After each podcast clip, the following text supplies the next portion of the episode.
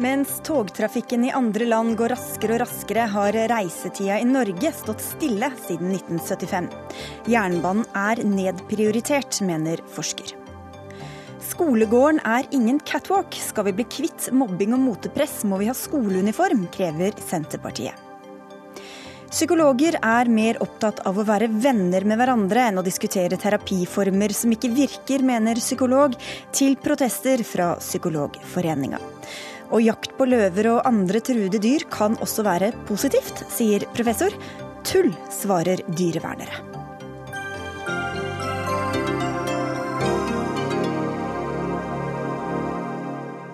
Dette er Dagsnytt 18 i NRK P2 og NRK2, hvor vi også får besøk av Høyres tidligere miljøpolitiske talsperson, som ga opp å gjøre Høyre til et miljøparti. Jeg heter Sigrid Solund. I dag klokka 10.28 kom det første hurtigtoget fra Stockholm til Oslo, fire og en halv time etter at det forlot perrongen. Fram til i dag har denne strekninga tatt seks timer. Men dette er unntaket. Alle andre tog bruker så å si like lang tid som de gjorde på 70-tallet, skriver Aftenposten i dag. Det til tross for alle milliardene som er pøst inn i sektoren over hele landet de siste ti årene. F.eks. har det kjappeste toget mellom Oslo og Bergen bare blitt elleve minutter raskere siden 1975, ifølge avisa. Og Hvor imponert er du over det, samferdselsminister Ketil Solvik-Olsen? Jeg tror ikke det er mange som er imponert over det i hele tatt. Eh, men eh, det er jo en sektor som en vet i mange tiår har vært eh, underfinansiert. Den har ikke hatt særlig prioritet. En har ikke bygd dobbeltspor eller nok krysningsspor. og Dermed så blir du ofte stående og vente på kryssende tog. Det tror jeg mange togreisende har hørt gang på gang. Og da får en ikke reisetiden ned. Det som nok er et like stort problem for mange òg, det er at eh, selv om reisetiden ikke går ned, så har en heller ikke fått økt forutsigbarheten i særlig grad. Altså eh, Det å vite at toget går når det skal, at det er i rute, det tror nok jeg for mange, spesielt næringslivet, er et vel så stort problem. Eh, en innretter seg på de togrutene som er, men så opplever du kanselleringer og forsinkelser. Eh, det er den store irritasjonen. Men vi må gjøre noe med begge deler. Vi må sørge for å få opp frekvens, vi må få forutsigbarhet og punktlighet på plass. Og så skal vi bygge den store infrastrukturen som gjør at vi også reduserer reisetid. Også på strekninger som du skal åpne langs Mjøsa og på Vestfoldbanen spares det bare inn minimalt med tid, og det til en prislapp på nesten 12 milliarder kroner. Hvorfor har dere ikke klart å få ned reisetida mer? Det er veldig dyrt å bygge jernbane. Det tror jeg alle regjeringer som har sittet og alle storting som har vært før, vet. Det å bygge jernbane er altså en veldig eh, stram linjeføring på, på skinnen. Det betyr at du eh, ofte må ty til tunneler og bruer, ting som koster mye penger. Eh, og så vet vi òg at skal du få den store reisetiden, så hjelper det ikke bare å bygge en kilometer og en kilometer der. Skal du få ha en jevnt høy fart, så må det være over lange distanser. Et tog akselererer ikke og dobler farten bare fordi du plutselig får en kilometer med god skinnegang. Det gir i hvert fall ikke store tidsbesparelser.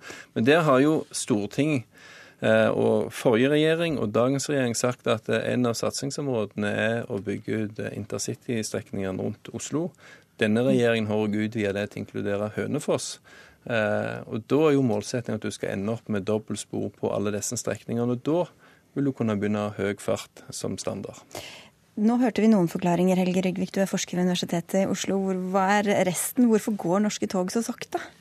Nei, Det er jo noe i og for seg riktig det som blir sagt her, at det er et historisk etterslep i investeringene. Eh, og det er jo unikt og spesielt for Norge. Det er få land der vi har vært så konstant i eh, etterskudd.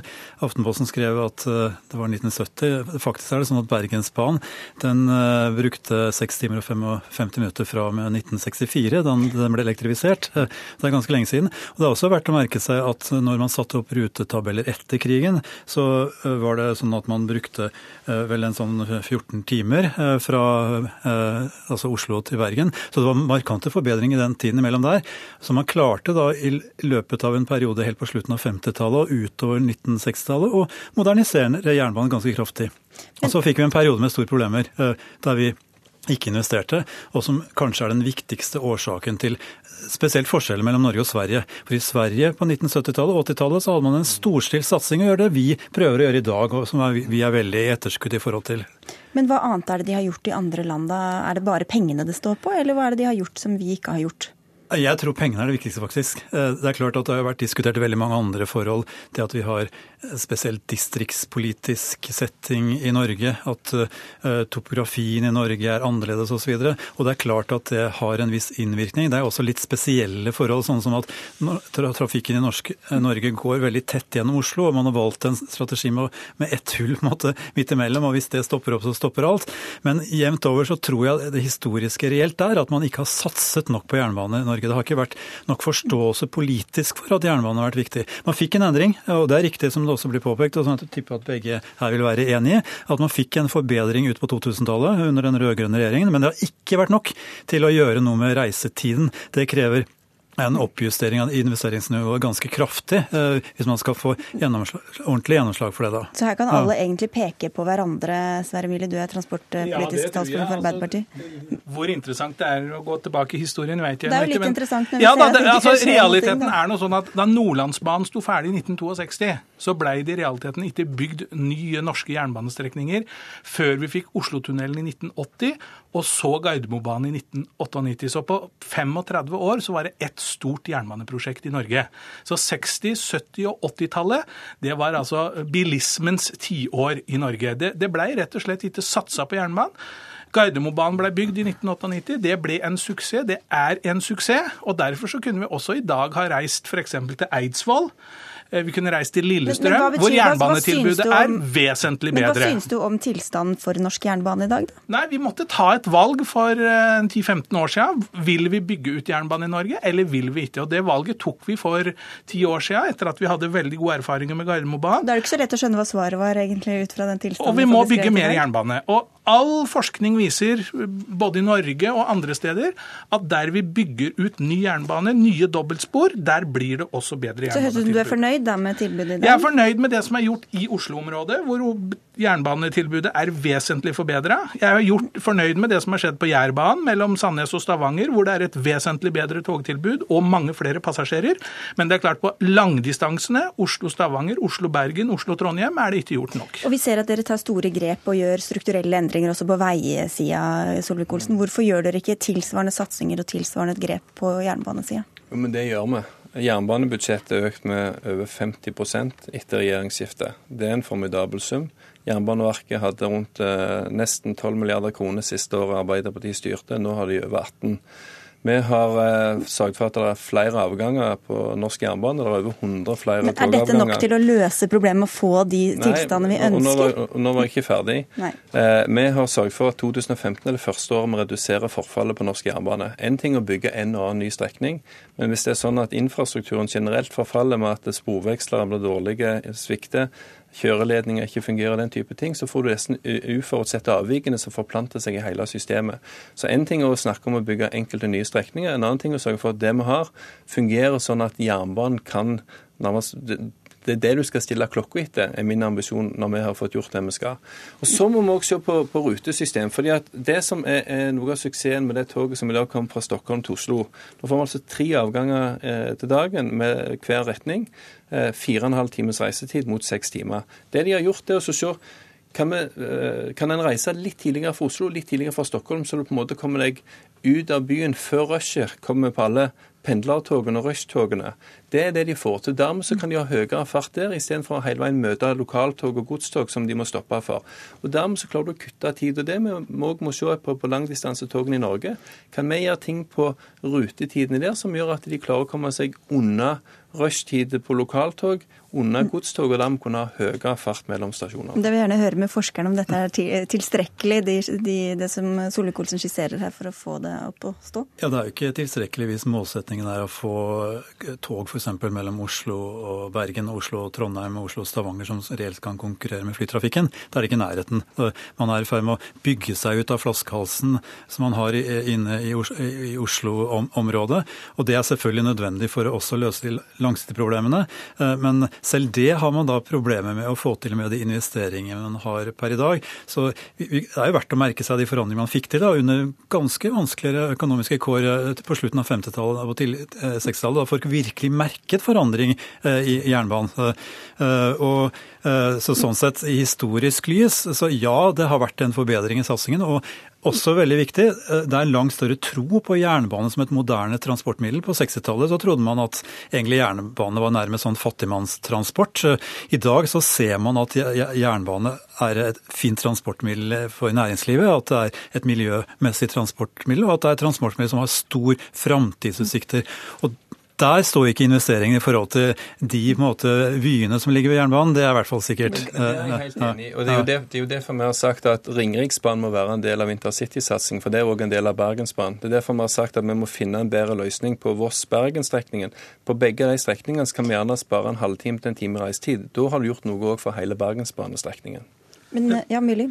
Eh, ja, Problemet til Solvik-Olsen er at han bare pynter på glasuren på kaka som, og, og, diskuterer og bruker masse krefter på at det skal være masse forskjellige jernbaneselskaper som skal kjøre. Nei, Problemet med norsk, Nå er det jeg som snakker. Jo, Problemet med norsk jernbane er, er ikke at det er for få selskap som kjører. Om vognene er gule eller grønne eller røde, spiller ingen rolle. Det vi må gjøre, er vi må vedlikeholde mer, det er jeg enig i, og, og vi må bygge mer jernbane. Mer dobbeltspor i jernbane. Vi ser det at når vi fikk nytt dobbeltspor til Asker, når vi har Gardermobanen til Eidsvoll, når vi har nytt dobbeltspor på Jærbanen, så blir det mer tog og mer passasjerer. Men det høres ut som dere egentlig er helt enige, men at ingen ha... av dere gir nok penger, jo, eller har gitt nok Nei, penger noen gang? Nok, det kan vi sikkert diskutere, men det må bet... investeringene må betraktelig opp. Vi må bygge dobbeltspor eh, til ja, Halden, vi, hva, til Lillehammer, liksom, til Skien, sammenknytning av Vestfoldbanen og eh, Sørlandsbanen, nytt dobbeltspor Bergen-Voss. Det er det vi må diskutere. Hvor skal vi nå bygge dobbeltspor? dobbeltspor de neste åra. Det, det, er det, det er veldig bra du sier, for alt det du nevner har denne regjeringen nå satt i gang. Og bevilgningen er altså 50% høyere, 6 milliarder kroner høyere i 2015. Men fortsatt ikke tilstrekkelig Nei, nei, og der tar du òg feil. fordi vi bevilger altså mer penger enn det dere hadde lagt opp til i Nasjonal transportplan. Dere hadde òg lagt opp til en vekst. Vår vekst er enda større. fordi at vi vet at vi trenger penger. Samtidig så trenger vi system. fordi at noe av det som har vært problemet, er at du har hatt altfor stor spredning av ansvar. Du har altfor mange ulike organisasjoner som har bruddstykker av ansvaret. Det er dette som er avsporingen. Vi må bygge mer jernbane. Ikke alt det som samferdselsministeren nå ærlig talt, vi bygger mer jernbane, så ikke, ikke ødelegg den debatten med å tulle til fakta. Ja, ja, ja, Problemet i den debatten her nå er at uh, disse to den, altså Arbeiderpartiet har jo hatt regjeringsansvar, og det er ikke så lenge siden, så de føler ansvar for det. Men jeg tror dette vil forandre seg. Jeg tror uh, at vi vil se et Arbeiderparti som blir mer offensiv på det, disse tingene når de, deres ansvar blir litt mindre, altså blir plassert litt lenger tilbake i tid.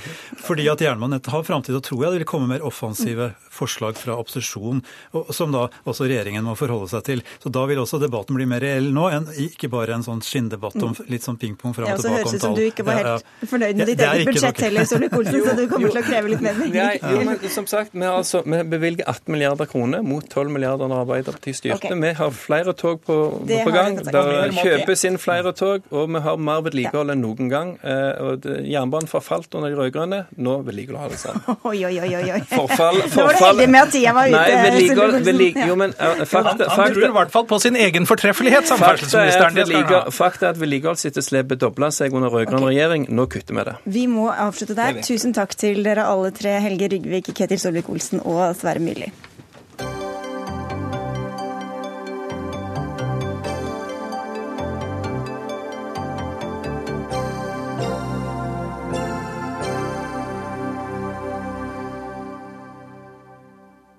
Vi fortsetter innen eh, samferdselssektoren, kan vi vel si. Hadde det ikke vært for en årvåken hotellansatt, ville et flymannskap med promille styrt et fly fra Gardermoen til Kreta i helga.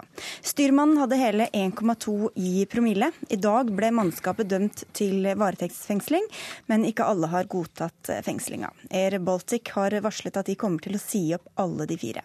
Men de ble altså tatt fordi en tilfeldig person tipset politiet, og det har fått dere til å kreve obligatorisk alkohol alkolås på alle fly. Hans Fredrik Grøvan, du er medlem av transport- og kommunikasjonskomiteen for KrF. Hvorfor er det løsninga?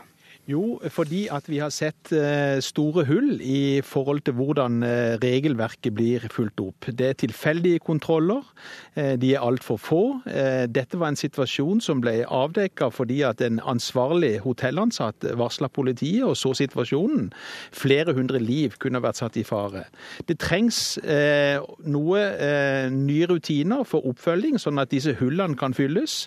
Derfor er obligatorisk rustesting gjennom som eh, f.eks. innføring av obligatorisk alkolås i fly, på samme måte som Stortinget nå har vedtatt det for buss eh, og taxi. Et godt grep, etter vår oppfatning, som kan være med å sikre at tryggheten for flypassasjerene skal være 100% mot ruspåvirka sjåførpiloter. Petter Førde, du er leder i Norsk Flygerforbund. og Jeg antar at dere er like kritiske til rusa flypersonell som Grøvan her. Men hvorfor er ikke dette løsninga, syns du, som han skisserer? Ja, Svar på det første spørsmålet er selvfølgelig ja. Dette tar vi sterk avstand fra. Nå er dette en enkelthendelse, og jeg kan ikke se at det skal automatisk medføre at vi skal få en, en regelendring eh, som et resultat av dette. Uh, vi eh, er jo av den oppfatning at eh, regelverket er godt nok. Det er krystallklart. Og alkohol hører ikke hjemme i forbindelse med persontransport. Ferdig med det. Men én ting er jo regelverket, en annen ting er jo om det blir etterlevd. Som i dette tilfellet ble det ikke det. Hva er, hva er negativt med å ha en sånn alkolås, da? Nå kan vi først si at vi har hatt tre slike hendelser i løpet av de siste 30 årene i Norge. Alle de tre gangene så har dette blitt avdekket gjennom de mekanismene som vi har i luftfarten i dag. Det er den ene tingen. Den andre tingen er at eh, man kan ikke, eh, som det blir hevdet her, eh, sammenligne bil, buss og fly. Fly er noe helt annet. Det er helt andre mekanismer. Og jeg kan bare nevne som et eksempel at uh, i uh, 2003, når ICAO, FN-organet for sivil luftfart, påla fly, verdens flyselskaper å forandre, forsterke dørene inn til cockpit, så hadde det alene, altså én dør i hvert enkelt fly skulle byttes ut, en kostnad på 15 milliarder kroner. Så hvis man skal da nå, pga. denne enkelthendelsen, bygge om flymaskinene for å installere en eh, alkohollås, så mener jeg det er feil ressursbruk. Vi har mekanismer, og de fungerer. Det er trygt å fly før denne hendelsen, og det kommer til å være veldig trygt å fly etter også. Det er jeg helt sikker på. Hvor godt har du egentlig undersøkt realismen i dette forslaget, Grøvan? De tekniske eh, forholdene rundt installasjonen av dette er jeg ikke noe ekspert på, men jeg må jo si det at jeg undrer meg litt over eh, Førdes eh, argumentasjon her. For det første så sier han at de tre tilfellene som har vært oppdaga, det er alle tilfeller av ruspåvirka sjåfører i de siste 30 årene. I Norge bare, da? Av det som er blitt oppdaget? Ja, så vi vet jo ikke hva men, som eventuelt ikke er det. Når da politiet i dag opplyser at de antall kontroller som de gjennomfører på Gardermoen, det er to til tre kontroller per år. Hvordan kan en da sitte og si at en har oppdaga alle tilfellene. I dette tilfellet her så var det overhodet ikke regelverket eh, som eh, ble, eh, ble, fulgt. Det var ikke kontrollrutinene rundt regelverket som avslørte eh, promillen. Det var rett og slett en tilfeldig ansvarlig hotellansatt som varsla politiet. Jeg må si at jeg undrer meg over hvorfor skal ikke passasjerer på buss og taxi i framtida eh, kjenne på eh, akkurat den samme tryggheten, eller flypassasjerer passasjerene ja, kjenner på samme tryggheten som passasjerer på buss og taxi. Ja, men da må vi få svar på det, Førde. Ja, nå kan man jo si det at udiskutabelt så er eh, fly det sikreste transportmiddelet vi har. Det er udiskutabelt. Jeg føler meg helt sikre på at mine pilotkollegaer rundt omkring følger det regelverket som er. De mekanismene som vi har i dag Du kan ikke vite at de tre tilfellene er de eneste tilfellene Nei, det kan jeg ikke vite. På den annen side så er det også slik at de, når flyvere kommer til flyplassen, gjerne da fra et hotell, hvis de har hatt overnatting i forkant, så skal de gjennom en sikkerhetskontroll. De skal treffe sine eh, andre besetningsmedlemmer. De skal treffe personalet ved, eh, ved gaten. Og de skal også sette seg inn i verdens minste kontor, for øvrig med den fineste utsikten. Og der er det nok ikke mulig for at, at en er påvirket av alkohol, og de andre ikke skal gjøre det. Er det, bare, er det bare prisen? Altså, man kan jo bygge kjempestore fly som nærmest kan gå av seg selv. Hvor vanskelig kan det være å lage en alkolås Hvordan flyene kommer til å se ut de neste 15-20 årene, det vet jeg ikke. Men å ta eh, dagens fly og sette de på bakken og bygge de om innvendig i cockpit eh, for uh, å installere en alkolås, jeg vet ikke om det overhodet er mulig. men som jeg nevnte, altså, Det kostet altså verdens flyselskaper over 15 milliarder bare å bytte ut en dør inn til cockpiten. Så dette er ikke noe quick fix. Og jeg syns egentlig at, at, det hele virker eh, noe forhastet, de løsningene man har. Men det som er litt underlig, det er at en her sier at en har full kontroll over situasjonen, så lenge en vet at i dette tilfellet her så var det ingen av de barrierene som Førde her nevner, som funka i forhold til å avdekke denne situasjonen. Eh, hvis han er så skeptisk, hvis du er så skeptisk til dette med alkolås, da har du vel kanskje en, en oversikt over kostnadene rundt dette. De, den informasjonen som jeg har fått i dag, eh, tyder på helt andre kostnader enn eh, det du tydeligvis opererer med.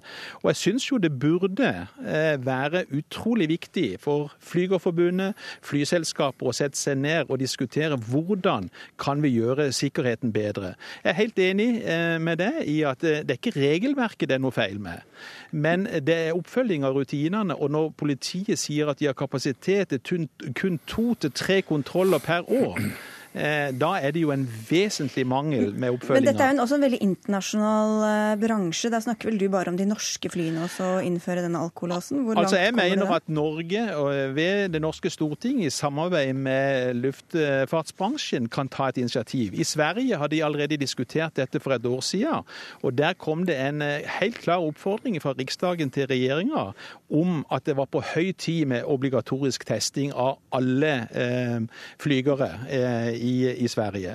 Så dette er en ball som kan nå begynne å eh, rulle fra Norge internasjonalt. Så tar det tid. I mellomtida så bør vi eh, få opp antall kontroller, sånn at passasjerene eh, på fly kan kjenne seg trygg på at det er ikke flygere som er påvirka av alkohol. Her snakker vi om over én promille. Vi vet hva slags tilstand et sånt menneske er i. Sånne ting må vi sikre oss og si at dette aksepterer vi ikke sikkerhet versus pris her, da, Førde? Nei, det er ikke det vi snakker om. Hvis man bare hadde idé om hvor mange penger man legger ned flyselskapene, vi som jobber i de flyselskapene, på å ivareta det høyere eh, sikkerhetsnivået vi har i luftfarten i dag, så tror jeg ikke disse problemstillingene som blir nevnt her, hadde kommet opp. Dette her er utvilsomt eh, trygt. Det er mekanismer. Og jeg mener også at man må ta dette selvfølgelig opp på et internasjonalt nivå hvis det skal ha noen ting for seg. Eh, det er en internasjonal bransje, og, og, og da må man løse Eh, eventuelle problemer internasjonalt. Det er det, helt, eh, det er ikke noe tvil om. Så, sånn sett så det er ikke det at jeg motsetter meg en alkolås på et fremtidig fly, men pga. en enkelthendelse her nå, så mener jeg at ressursene kan brukes på helt andre måter. En annen ting er at alle de medlemmene som jeg representerer, er klar over at når som helst når de befinner seg på en flyplass, så kan de bli avkrevd en promilleprøve. Og det har de i bakhodet, og de forholder seg til regelverket. Det føler jeg meg rimelig sikker på. I hvert fall de aller fleste, da, kan vi si ut fra de siste Ja, nå representerer ikke jeg latviske flyere. Men, da, da, da, kan vi jo kanskje begynne å snakke sammen hvordan vi kan gjøre sikkerheten bedre. For jeg tror at framtidige flypassasjerer ikke vil akseptere mm. at det er hull i oppfølginga av dette systemet. Et regelverk som er godt, men kontrollen må bli bedre. Vi får se om dere får med dere noen andre på Stortinget i første rekke, da. Vet du, Hans Fredrik Røvan fra KrF, takk skal du ha for at du var med i Dagsnytt 18, og tusen takk til deg også, Petter Førde fra Flygerforbundet.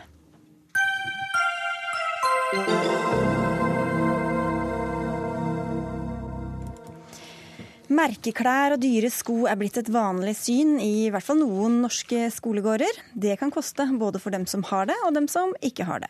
Og Derfor sier dere til Dagsavisen i dag at dere vil innføre skoleuniform på norske skoler. Aishanas Bhatti, du er førstekandidat til bystyret i Oslo for Senterpartiet. Hvorfor bør norske barn ha skoleuniform? Så jeg må jo si at jeg har valgt å engasjere meg i politikken fordi jeg er bekymret for at det har økt forskjeller i Oslo. Byen har blitt mer delt. Det er rikdom på den ene siden, fattigdom på den andre. Jeg ønsker å gjøre noe med de økte forskjellene i byen, og det bekymrer meg. Og Derfor så har jo dette med skoleuniform er jo bare ett virkemiddel. og Jeg ser hvordan situasjonen er i skolene. og Barn og unge opplever i dag utseende og altså, dette fokuset på merkeklær. og Eh, være, kle seg riktig, og det skal ikke barn bekymre seg over når de går på skolen. Skolen er en læringsarena. Det er det som skal være i fokus, og ikke dette her er ikke en catwalk. Og det er derfor vi jeg har fremmet det forslaget, og jeg mener at det er verdt å gjøre et forsøk. Prøve. Guri Melby, som eh, du er fra Venstre og som liberalist og individualist, er dette kanskje ikke noe du klapper veldig høyt i hendene for? Nei, men først og fremst så er jeg skeptisk til forslaget fordi at jeg mener det blir feil svar da, i en viktig debatt. Eh, det å snakke om sosiale forskjeller, det er jeg helt med på. Og vi har et økende problem med barnefattigdom, særlig i Oslo og andre store byer. Eh, og det er klart at det kan gi seg mange utslag, men jeg tror ikke at hverdagen blir noe bedre for barna om vi dekker til de forskjellene som allerede er, ved å innføre et krav om uniform. Eh, jeg tror det er viktigere at vi ser på hva som er utfordringene, hva er det som gjør at vi får denne barnefattigdommen, og heller bekjempe årsakene til det. Dere er sikkert enige om det også, men hvis vi bare tar for oss disse uniformene, Batti, hva gjør det med barn som skal finne ut av sin egen identitet, at de skal gå rundt og se helt like ut? Altså, uniform, Det som, er, eh, som skaper reaksjoner, er at det er veldig fremmed her i Norge. En er ikke vant med at barn går med uniform på skolen. Og jeg mener at eh, dette her vil individu Individualiteten er ikke under press, og det er ikke slik at individet forsvinner ved eh, å gå med uniform. En ser jo, en går i butikken, ansatte de går jo med uniform, og det, er jo fortsatt individer. Og jeg mener at det er barna som kommer i fokus, og det mote- og merkepresset som unge opplever i skolen i dag, det er det vi vil, eh, vi vil eh, gjøre noe med. Og det presset kommer fra mange kanter, Guri Melby. Hvorfor ikke gjøre noe med i hvert fall én av dem, da, som det er lett å gjøre noe med? Ja, men nå er jo jeg eh, forkjemper for nettopp mangfold. Og jeg mener at det er positivt at du både som ung og voksen får lov til å uttrykke din identitet på mange ulike måter. Og jeg mener at en av de mest positive verdiene med norsk skole er nettopp det at vi har stort rom for at folk får lov til å være seg sjøl. Både lærere og elever får lov til å snakke den dialekten de har. Du får lov til å kle deg sånn som du vil. Og elevene er også veldig flinke til å på en måte ta ordet og være aktive, og jeg mener at det er en verdi som vi må hegne om. Og jeg tror at det å innføre uniformskrav eh, kan virke veldig negativt. Vi skal bare få inn en erfaring utenfra her. Espen Aas, du er eh, NRKs London-korrespondent. Storbritannia er jo kjent for skoleuniformene sine. De har vel en flere hundre lang, år lang tradisjon med det. Men fortsatt er de ikke ferdig med å diskutere den, skjønner jeg? Nei, det har vært varianter av skoleuniformer her eh, siden Henry den 7. innførte dem for eh, vel en 500 års tid siden, og har da representert både utjevning, men også representert uh, rikdom i sine tider. Men siden 60-tallet så har det først og fremst da vært hatt som formål å viske ut de mest synlige forskjellene mellom fattig og rik, om du vil. Men eh, debatten om hvordan de uniformene skal være, hvorvidt en trenger det lenger i dagens eh, samfunn, den kommer eh, stadig tilbake. Og ikke minst er det også en del foreldre som gjerne skulle vært den utgiften foruten. Hva er erfaringene da med denne forskjellsutjevninga, som også er argument her i den norske debatten? Ja, nå har jeg snakket med flere venner og andre bekjente i dag som har vokst opp med skoleuniform og, og, selv har barn i skolen i dag. Dette er folk fra privatskoler, offentlige skoler og fra forskjellige samfunnslag. Og som de sier, de vet jo ikke hvordan det ville være å gå på skolen uten skoleuniform. Men det tar helt klart bort de mest åpenbare problemene med da dyre merkeklær versus de som ikke har fullt så råflotte klær. Men som en tidligere privatskoleelev sa til meg, rivaliseringen guttegjengene mellom og jentegjengene mellom imellom, den økte da på andre måter. Og det finnes alltid måter å finne og skille sosial status på. F.eks. er skjorten til skoleuniformen din kjøpt på Marks Spencer eller på billigkjeden BHS? Hva slags merke har du på skoene? Hva slags jobb har foreldrene mm. dine? Og hva slags bil ble du kjørt til skolen med? Hva slags klokke går du med, hva slags øredobber går du med? Hvordan skal du unngå at dette bare flytter seg? Eh, altså, vi, vi, vi, mener jo ikke at dette løser alle problemene, og utfordringene vil være der. Og de som vil mobbe, de finner utveier, og de finner noe å pirke på. Men jeg mener at det er, eh, det er Jeg har snakket med foreldre som ønsker uniform, og som ser alvoret i den situasjonen, at det er eh, utseende og motepress i skolen. Og at det er eh, barnefattigdommen, som Guri Melby var også inne på, er økende i Oslo. Levekårsutfordringer. og det, jeg, jeg, Her er jeg opptatt av barnas ve og vel, og det finnes barn som gruer seg til å gå på skolen fordi foreldrene ikke har råd til å betale for den dyre buksa eller jakka som alle andre elevene går med. Og så, ja. ja. Ja, eh, jeg syns at Senterpartiet har en tendens til å ty til litt lettvinte løsninger når vi snakker om forskjeller og utfordringer i Oslo-skolen. Men de sier jo ikke at det er den eneste løsningen, da. De har bl.a. også foreslått bussing eh, for å få en måte til å utjevne forskjeller. Eh, og så har de foreslått da skoleuniform. Men jeg tror jo det beste er å fortsette på den resepten vi har, at vi må bruke mest penger på de skolene som trenger det mest, og mest ressurser på de elevene som trenger det mest. Ja, men det, det, er det nødvendigvis sånn at det er mest mobbing og press på de skolene som har det, har nei, det er vanskeligst stilt, da? Men den måten vi utjevner sosiale forskjeller på på sikt, det er å gi alle barn like muligheter. Men det hjelper jo ikke de barna i skolegården eh, i dag? Jo, det er klart det. For hvis vi gir alle barn muligheter til også å hevde seg på skolen, så bidrar vi til en utligning i, på det sosiale miljøet også på skolen. Jeg er for ivrig og rastløs til å ta tak i dette problemet, til å ta tak i de økte forskjellene i Oslo, og de bare vokser. Og Venstre har jo styrt det. Men det, det, det finnes ikke noe quick fix. Det her, nei, nei, nei, her er store utfordringer som, som dere avfeier. Og av, altså dere avfeier et forslag Og det syns jeg er litt respektløst og eh, nedlatende overfor de foreldrene og barna som faktisk ville ha godt av å ha skoleuniform. Jeg er åpen for å diskutere for å ut, forslag for å utjevne forskjeller, men det her er ikke noe belegg for at det vil fungere. Jeg har Hvorfor ikke, prøve? Jeg har ikke sett en eneste rapport som viser at land med skoleuniform har mindre mobbing, det mindre press enn en, Det er tvetydig forskning. Okay, la Guri Melby få svare ferdig. Ja, det er ingenting som tyder på at land som har skoleuniform, har mindre mobbing eller mindre sosialt press enn land uten skoleuniform. Eh, det er bare en måte å dekke til problemet. Hvis det er mobbing som er problemet, så må vi konfrontere det da, og diskutere hva vi kan gjøre for å forhindre mobbing. Men barn vil alltid finne en måte å plukke på hverandre på, en måte å vise hva som er sosiale forskjeller på. Og det at vi fjerner én av faktorene, tror ikke jeg er med på å løse problemet. Vi kan jo høre avslutningsvis med Espen Aas, hvordan trives barna selv med skoleuniformene? Vel, det er vel ingen som savner eh, skoleuniformen, men eh, samtidig, hvis du eh, reiser inn til London på morgenen, så treffer du gjerne alle skoleungdommene på bussen med litt slips og, og skjørt alle veier, før du kommer på, på, banen og ser de voksne kledd i slips og dress og eh, skjørt og, og buks og jakke der. Sånn at det kan jo være ganske uniform. Men det er noe av det som også har vært i debatten her. Skal man tvinge f.eks.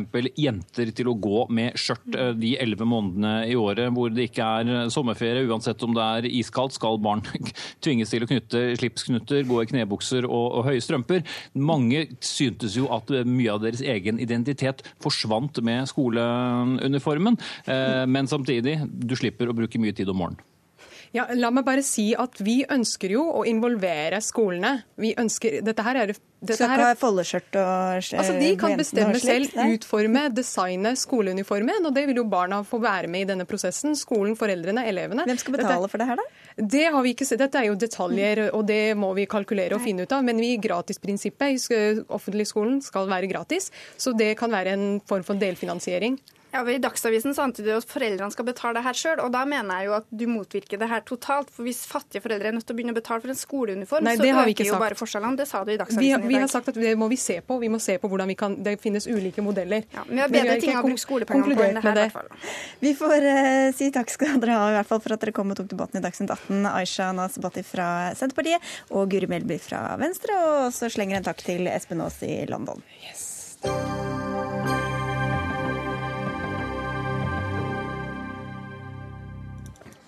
Bruker psykologer magefølelse mer enn vitenskap i terapien? Og er de mer opptatt av å være venner med hverandre enn å finne ut hva som faktisk virker? Dette tar du opp i en kronikk på NRK Ytring, psykolog Rolf Marvin Bø Lindgren. Hvorfor mener du at en klient ikke kan vite om terapeuten han eller hun går til er flink, eller om terapien faktisk virker, slik du skriver? Det finnes jo ikke noen uh, rangeringsliste for uh, effektivitet hos terapeuter. Eh, det finnes ingen konkurranser. Det finnes ingen måter å rangere på. Så vi, vi veit jo ikke egentlig eh, hvem som er flink eller ikke innafor uh, parallellforskning. Så viser det seg jo at de, de, legene eller kirurgene som blir sett på som de dyktigste, er de som er best likt av sine kolleger. Mens forskninga viser at det er ikke noen sammenheng mellom hvor godt likt de er og hvor flinke de er. Og Da anklager dere også Norsk psykologforening for ikke å ta noe standpunkt om hva slags terapi som fungerer eller ikke. Hva består denne unnfallenheten i, etter ditt syn? Det som er mitt inntrykk, det er at uh, Psykologforeninga er litt uh, ukjent med at uh, måten deres prinsipperklæring om evidensbasert praksis blir tolka, Eh, gjør at psykologer ute i feltene tror at evidensbasert terapi det er å følge manualer og å være roboter.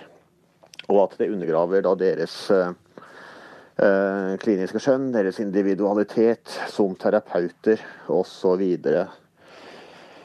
Samtidig kan prinsipperklæringa veldig lett leses som at psykologer for å jobbe evidensbasert enten kan støtte seg til empirisk forskning eller klinisk skjønn. Andreas Østmelding, du er fagsjef i Norsk psykologforening. Kan eh, norske klienter eller pasienter vite hva som fungerer og ikke når de skal finne en terapeut? Altså, det som er um, uh, evidensbasert praksis i et nøtteskall, det er å sørge for at uh, pasienten får den hjelpa de trenger. Og Da er man avhengig av uh, tre faktorer. Det ene er forskningen. Eh, forskningen som gir oss eh, informasjon om eh, hvilken type metoder som virker på hvilke type lidelser. Og det peker på hva slags metoder vi psykologer må lære oss. Det andre, og kanskje enda viktigere, er selve pasienten.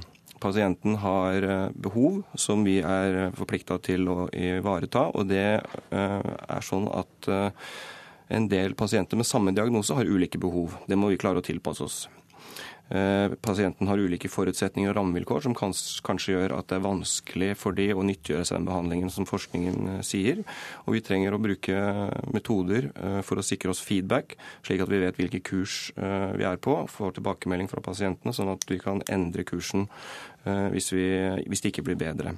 I tillegg så er det da også sånn at eh, den kliniske ekspertisen, eh, altså psykologens evne til å veie ulike og ofte motstridende informasjonskilder opp mot hverandre, som, som fører da til beslutninger som tas i terapien, at, det, at, den, at den er på plass. Og dette, denne integrasjonen av disse elementene er i et nøtteskall evidensbasert praksis. Det dreier seg ikke om at det er ullent eller, eller ja, Det er det dere blir beskyldt ja, for, å være ja. ulne på hva som virker og hva som ikke virker? Ja, altså Det, jeg, det Lindgren oppfatter som ullent, eh, mener jeg er nyansert. Det dreier seg om å ivareta kompleksiteten i det å jobbe med mennesker, og det dreier seg om å integrere mm. ulike elementer i et sånt komplekst Få høre hva Lindgren svarer til det.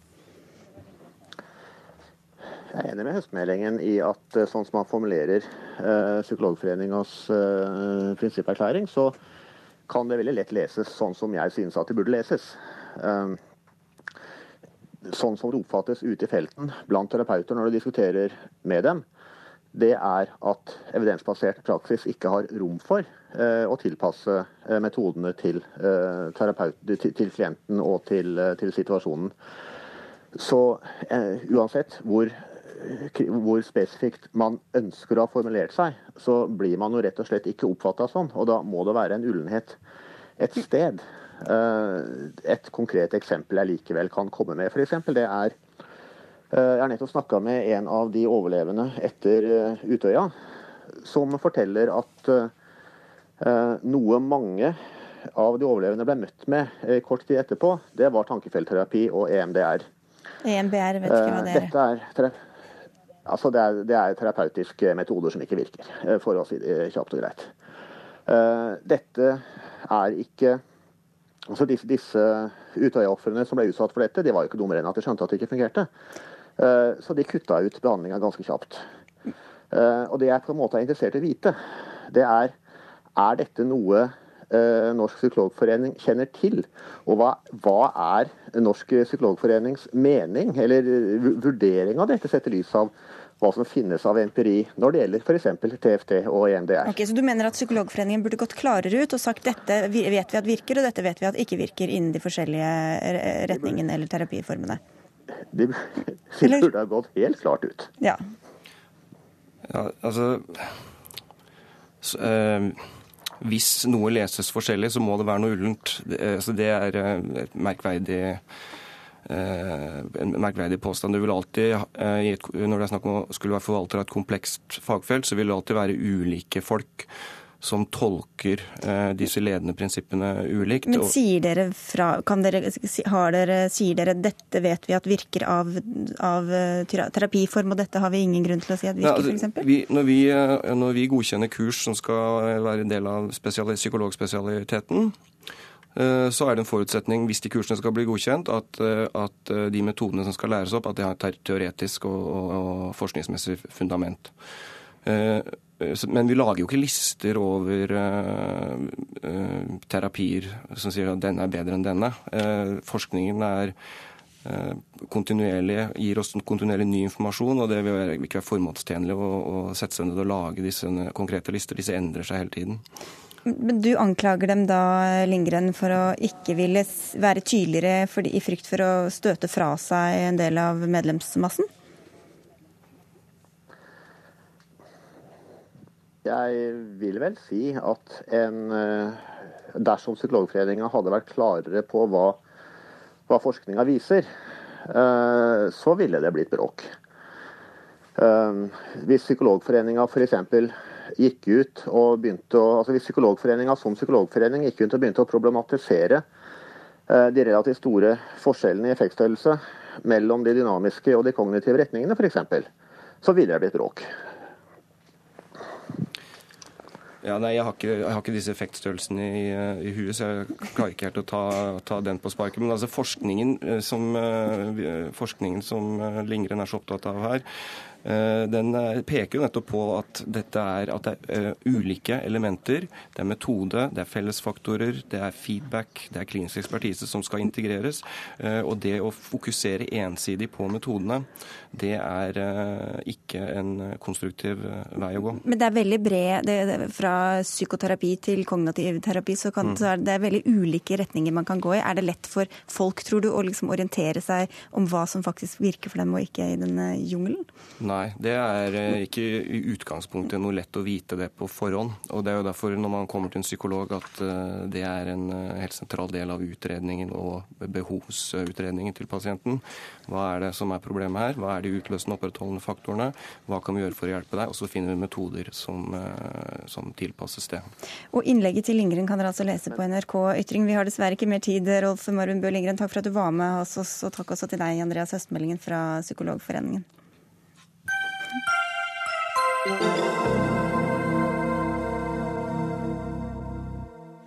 Om en drøy måned er det lokalvalg, og noen steder kan Miljøpartiet De Grønne utgjøre en viktig maktfaktor som bestemmer hvem som skal få styre. Og selv om partiet ikke har valgt side, så skriver du i Dagbladet at dere ikke vil ha Ernas Norge, Bente Bakke. Du er ordførerkandidat for MDG i Vestby i Akershus. Og hva er galt med Ernas Norge? Ja, Det er jo at ikke de starter det grønne skiftet raskt nok. Nå har vi en lav oljepris, og mange blir ledige. Og istedenfor å satse eh, klart og effektivt på nye næringer, f.eks.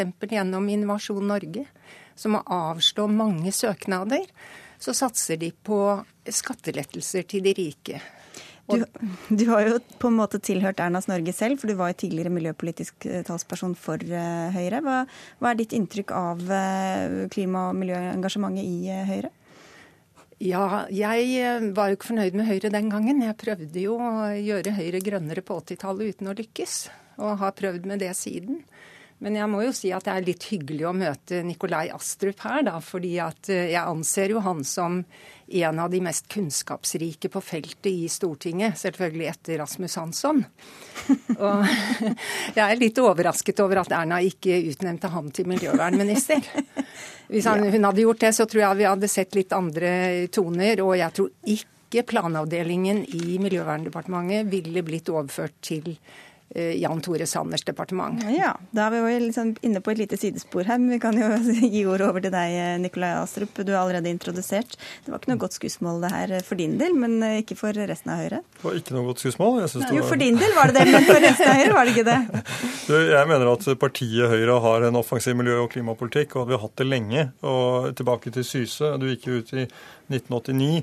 1989 var det jo en grønn bølge som feide over også Høyre. Eh, og vi gikk i bresjen for bl.a. karbonprising, innføring av avgifter eh, i, den, eh, i, i olje- og gassnæringen. Så, og siden har vi fulgt opp. Og Børge Brende har du jo selv sagt til meg mange ganger at var en utmerket miljøvernminister. Og jeg mener også vi har det nå, bare så det er sagt. Og vi gjør mye. Men så er det jo kommunevalg i år.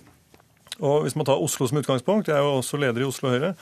Eh, så er det ingen tvil om at et eh, Oslo ledet av Høyre har eh, gått i bresjen i klima- og miljøpolitikken, og er også ifølge miljøorganisasjonene fremst i landet på å gjennomføre konkrete klimatiltak som virker. Biltrafikken går ned kollektivandelen går opp. Vi har investert milliarder i kollektivtransporten de siste årene.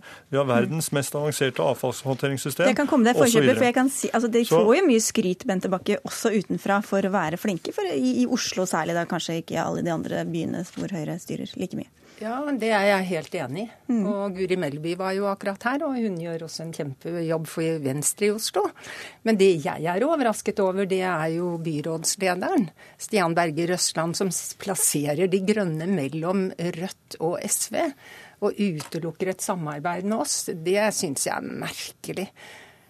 Altså, Det Stian Berger Røsland vel har sagt, er at basert på stemmegivningen til Miljøpartiet De Grønne i Oslo bystyre, så plasserer Miljøpartiet De Grønne seg mellom mm. Rødt og SV. Miljøpartiet går bl.a. inn for en kraftig eiendomsskatt, både for, for boligeiere og for næringsdrivende. Som, og for å ta det, Sentrumshandelen i Oslo vil jo måtte konkurrere med Sandvika storsenter. Og det vil bli Dette vanskelig. blir litt lokalt kanskje for når, uh, ja, det kan bli, alle men det blir bli vanskelig når man innfører eiendomsskatt. så Det er klart, eh, det er det Stian Berger Østland har sagt. Når det er sagt, så er jo Stian Berger Østland aktivt med i C40-nettverket, som er et globalt nettverk av byer, eh, de 40 største byene i verden, hvor Oslo får være med som eksempelby, nettopp fordi Oslo under Stian Berger Østlands ledelse har gjort så mye Men, på klima og miljø. ok, For å ta det litt opp, da. Hvilke veivalg eller store beslutninger er det Høyre har tatt siden det kom i regjeringa, som har eh, skuffet deg? Ja, Det er jo først og fremst utlysningen av 23. konsesjonsrunde, med boring i Barentshavet og flytting av iskanten. Det syns jeg er helt håpløst i den situasjonen vi har nå. Og at ikke de har vært villige til å trekke Statoil ut av tjæresand, som jo også Rasmus Hansson har foreslått i Stortinget. Eh, en ting som er veldig morsomt, det er jo at eh, Stortinget vedtok å trekke oljefondet ut av kull før sommerferien. Og det var det jo Rasmus Hansson som fremmet først. Hans første forslag i Stortinget, og da lo alle. Og det fikk hans stemme. Så det hjelper med å ha en grønn representant i Stortinget, og det vil det gjøre i Nå kjenner jeg at valgkampen ordentlig er i gang her, eh, dere. Men det er jo altså det totale Det er oljepolitikken og det er eh, klimapolitikken av Nikolai Astrup som dere får kritikk for. Ja. Og la meg si det, det første du sa om at vi ikke satser på nye næringer, så er jo det feil. Nå har vi styrket Enova, som er eh, statens virkemiddelapparat, nettopp for å få frem eh, piloter, demonstrasjonsanlegg, ny teknologi. Støttet Hydro med halvannen milliard kroner, slik at de kan realisere verdens reneste aluminiumsproduksjon på Karmøy. Innovasjon Norges miljøteknologiordning er styrket med en halv milliard eh, siden vi tok over. Eh, Så det skjer veldig mye på det feltet. Og så eh, er det jo slik at vi har en stor olje- og gassnæring i Norge. Eh, Oljeproduksjonen har rett nok halvert seg siden toppen for ti år siden. Og nå handler det altså om å dempe fallet. Fordi det vi ikke må få, og som virkelig vil hindre et grønt skifte, det er jo en krasjlanding i norsk økonomi. Og hvis man trekker pluggen ut av olje- og gassnæringen nærmest over natten, eh, slik eh, Miljøpartiet De Grønne tar til orde for, så vil det få store konsekvenser for norsk økonomi og store konsekvenser for vår evne til å håndtere en omstilling som eh, kommer til å være krevende uansett. Eh, Og det vil heller ikke redusere utslippene eh, globalt. Og det er jo tross alt ikke noe kretsmesterskap, det er ikke noe norgesmesterskap. Det er en global dugnad der vi med vår kapital, vår kompetanse og vår teknologi må bidra til å bringe verden fremover. Det hjelper altså ikke eh, bare at Norge er best i klassen. Vi skal vise at det er mulig å kombinere høy levestandard og lave utslipp. Eh, Men, eh, men vi må få med oss resten. Hvis ikke så Du får med er deg det, din gamle er det fånyttes. partikollega her også, da. Hvis ikke er det fånyttes. Ja, Men det er jo ikke slik da at eh, De grønne vil trekke ut proppen når det gjelder olje med en gang. Vi vil jo bruke 20 år på å trappe ned Jo da, og men- bygge opp de grønne næringene. Men med- og nå, mens med krone... Unnskyld, nå snakker faktisk jeg. Eh, Mens kronekursen fortsatt er så, eller eh, oljeprisen fortsatt er så lav, så er ikke næringen veldig lønnsom. Og det er dyrt å ta og hente en, en olje i Norge. Og jeg tror ikke den prisen kommer opp. For når dere tror den kommer opp, så vil de fornybarløsningene komme sterkt. Og der må Norge være i, i forkant for å få frem de løsningene for å kunne tjene penger og selge teknologi til utlandet. Ja, Dere legger opp til en oljepris eh, eller, det som må være, altså for at det skal være lønnsomt, så må det være mye høyere oljepris enn i dag på flere av de feltene. eh, Bente Bakke er oljeanalytikere, eh, og det skal vi sikkert Men dere kan regne pluss og minus, på- Men og poenget her er at ja, Miljøpartiet De Grønne har sagt at de vil fase ut oljeproduksjon over 20 år, men med f.eks. det de la frem i alternativt budsjett, med skatteøkninger på nær 40 milliarder kroner, så kommer det til å gå mye raskere enn det. Fordi det er ingen investorer som ønsker å investere på norsk sokkel med det, de rammevilkårene som Miljøpartiet De Grønne legger opp til. Men Men, så la meg si, vi satser jo på de nye næringene som Mm. Bente Bakke etterlyser. Og vi gjør det bl.a. fordi vi har muligheten til å gjøre det eh, pga. oljevirksomheten som vi driver i Norge. Så den gjør det, oljevirksomheten gjør det mulig å få til en forsvarlig eh, langsiktig omstilling av norsk økonomi uten bråstans og massearbeidsledighet. Men og det er viktig. Ja, men dere, eh, Nå eh, snakket Bente Bakke om eh, dere ville samarbeide med, med Miljøpartiet eller ikke. Dere har jo tidligere vært ganske avvisende til et samarbeid. Hvordan ser du for deg det nå? det er på lokalplan i Oslo, så jeg er sikker på at vi kan bli enige om mye god miljøpolitikk sammen. Fordi Oslo er så uh, offensiv allerede. Men du er, for, du er talsperson for hele Høyre også, da. Hvordan allerede. ser du for deg på ja, ellers? Dette vil variere fra kommune til kommune hvor enkelt det er. Men hvis vi ser da på de andre sakene, hva, hva mener egentlig Miljøpartiet De Grønne om skolepolitikken? Hva mener de om eldreomsorg? Hva mener de om eh, f.eks. eiendomsskatt, hvor de i Oslo da vil innføre det? Det kan gjøre det vanskelig å samarbeide forpliktende i et byråd med Miljøpartiet De Grønne, når de da de siste fire årene i hvert fall i Oslo har ligget mellom SV og Rødt i stemmegivning i bystyret. Ja, Hva De Grønne mener om disse tingene står faktisk i programmene våre, både i Oslo og i Vestby. Og vi har meninger om alle de tingene du etterlyser, så jeg syns det er dumt å gå tilbake til de siste fire årene hvordan vi har stemt. Men når du snakker om de skatteøkningene som De Grønne vil eh, gå inn for, så er jo det meste av det faktisk grønne avgifter. Og det trenger man å skattlegge eh, virksomhet som ikke er miljøvennlig, for å få snudd. Det er også en kraftig eh, økning i skattene for bl.a. gründere. Og det blir ikke mye grønn verdiskapning av å skattlegge, skattlegge gründerne ut av Norge. Ja, det er ikke sant. Da, vi, da var vi innom veldig mange temaer i en debatt, må jeg si. Vi får runde her før det kommer flere. Takk skal dere ha, i hvert fall Nikolai Astrup og Bente Bakke.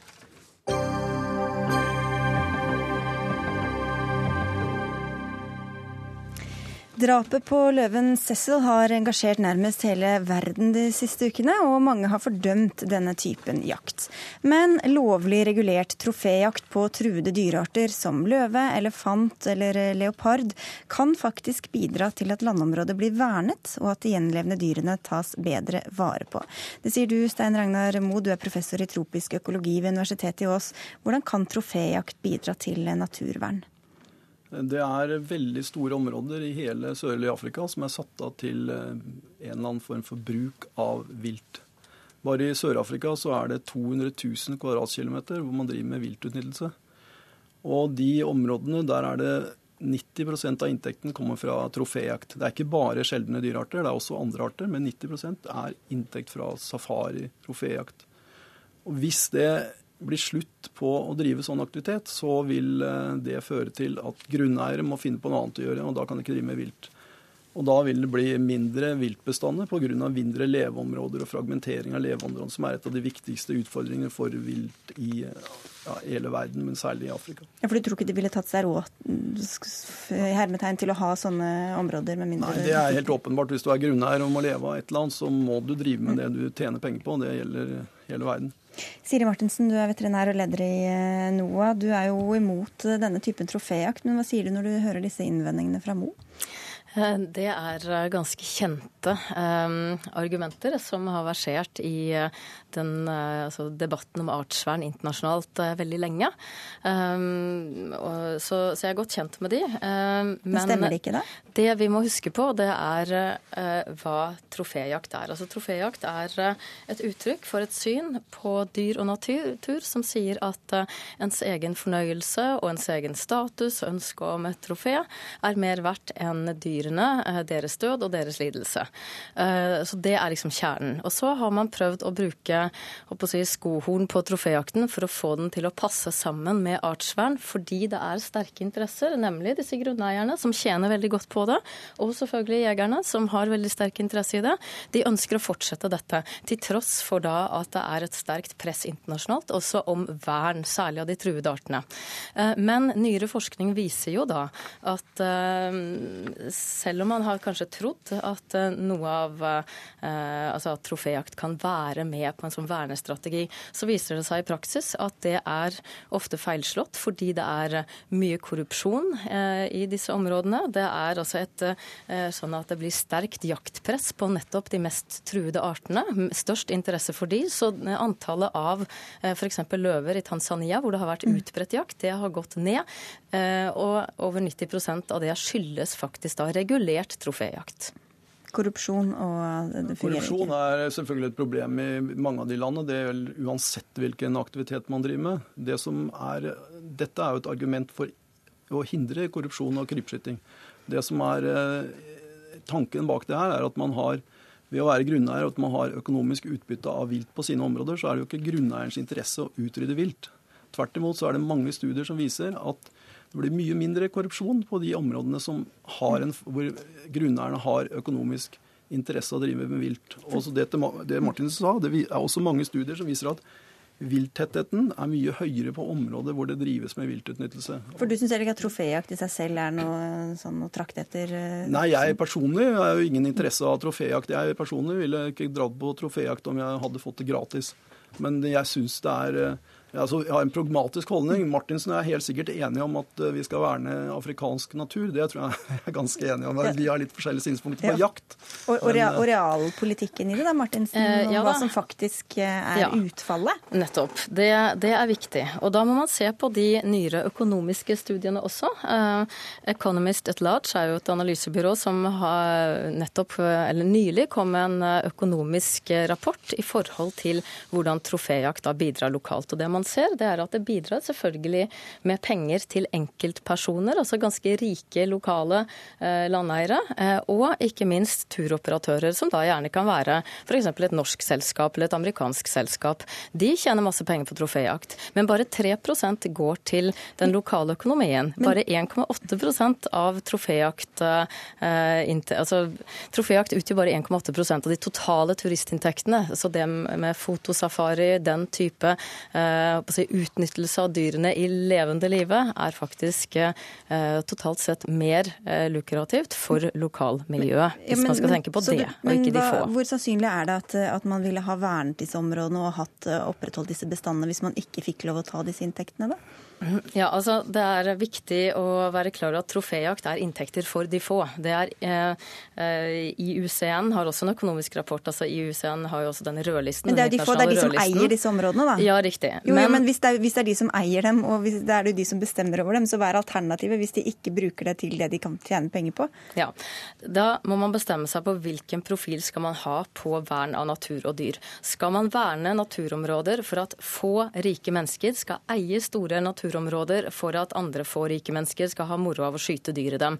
Eller skal man verne naturområder fordi man har en respekt for natur og dyr? Men hva er alternativet da? Skal staten kjøpe seg opp fra ja, disse altså private? Det finnes, eh, det finnes, absolutt den type nasjonalparker, områder, hvor man Fra fattige, eh, fattige land det er snakk om? Eller? Ja, det er det. Og nettopp derfor så er det viktig å involvere lokalbefolkningen på en måte som ikke troféjakt gjør.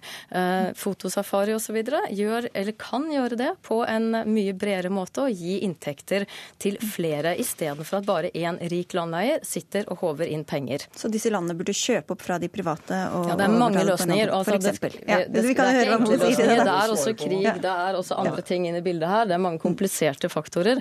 Men eh, det er, ikke, det er ikke bærekraftig at noen rike mennesker skal sko seg på å skyte dyr. Altså, det er mange problemstillinger, og En av de problemstillingene som Martinsen tar opp nå, er eh, den hvor som den går på om lokalbefolkningen skal få inntekter av troféjakt. Og det, det, det, knytter seg jo ikke bare til vern. Men, og det er en veldig viktig problemstilling. Men den, mye av den troféjakten foregår jo nettopp for det med privatisering av vilt. For F.eks. i Namibia så er det store områder som er satt av til såkalt eh, community-based natural resource management, altså hvor lokalbefolkningen har brukerrettighet til et område og lokalbefolkningen selger rettighetene til jakt til, eh, til eh, ja, kall det rike europeere, amerikanere. Og Da er det lokalbefolkningen som tar ut eh, de, gevinstene. Men resultatet gevinstene. for dyrene er det samme? da? Resultatet for dyrene er det samme, men det, i, i Namibia så har man hatt en ekstrem økning i viltbestander. og F.eks. neshorn, løver, trua arter. Etter at man satte i gang med det er storstilt, og det er virkelig storstilt i Namibia, er det kjempeområder som er satt av til til eh, lokalbefolkningen, og lokalbefolkningen utnyttes av vilt. Mm. Men IUCN eh, sier altså i sin rapport at troféjakt er økonomisk og sosialt ubetydelig.